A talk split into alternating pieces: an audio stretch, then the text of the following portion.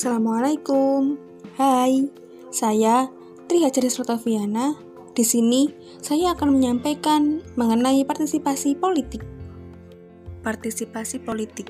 Kata partisipasi berasal dari bahasa Latin yaitu pars yang berarti bagian dan kata koper yang berarti mengambil peranan dalam aktivitas. Jika digabungkan menjadi mengambil bagian. Dalam bahasa Inggris, partisipat atau participation berarti mengambil peranan atau bagian. Jadi, partisipasi adalah mengambil peran dalam aktivitas atau kegiatan politik negara. Contohnya pemilu. Dalam pemilu, masyarakat dapat memberikan suaranya dan memiliki hak dalam memilih.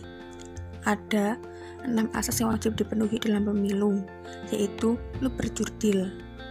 Luperjurdil merupakan kepanjangan dari langsung, umum, bebas, rahasia, jujur, dan adil. Langsung memiliki makna pemilu dilaksanakan secara langsung, tidak perlu diwakilkan umum memiliki makna pemilu dilakukan oleh siapa pun yang memiliki hak suara. Bebas memiliki makna pemilu dilaksanakan secara bebas dan tidak memiliki unsur paksaan dari siapa pun. Rahasia memiliki makna pemilu bersifat rahasia, hanya memilih yang mengetahui apa yang dipilihnya. Jujur memiliki makna pemilu dilakukan secara demokratis dan sesuai aturan yang ada.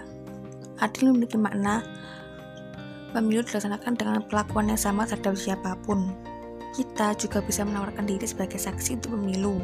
Selain berpartisipasi dalam memberikan suara dan hak memilih, di pemilu kita juga dapat menyaksikan proses pemungutan dan perhitungan suara di TPS.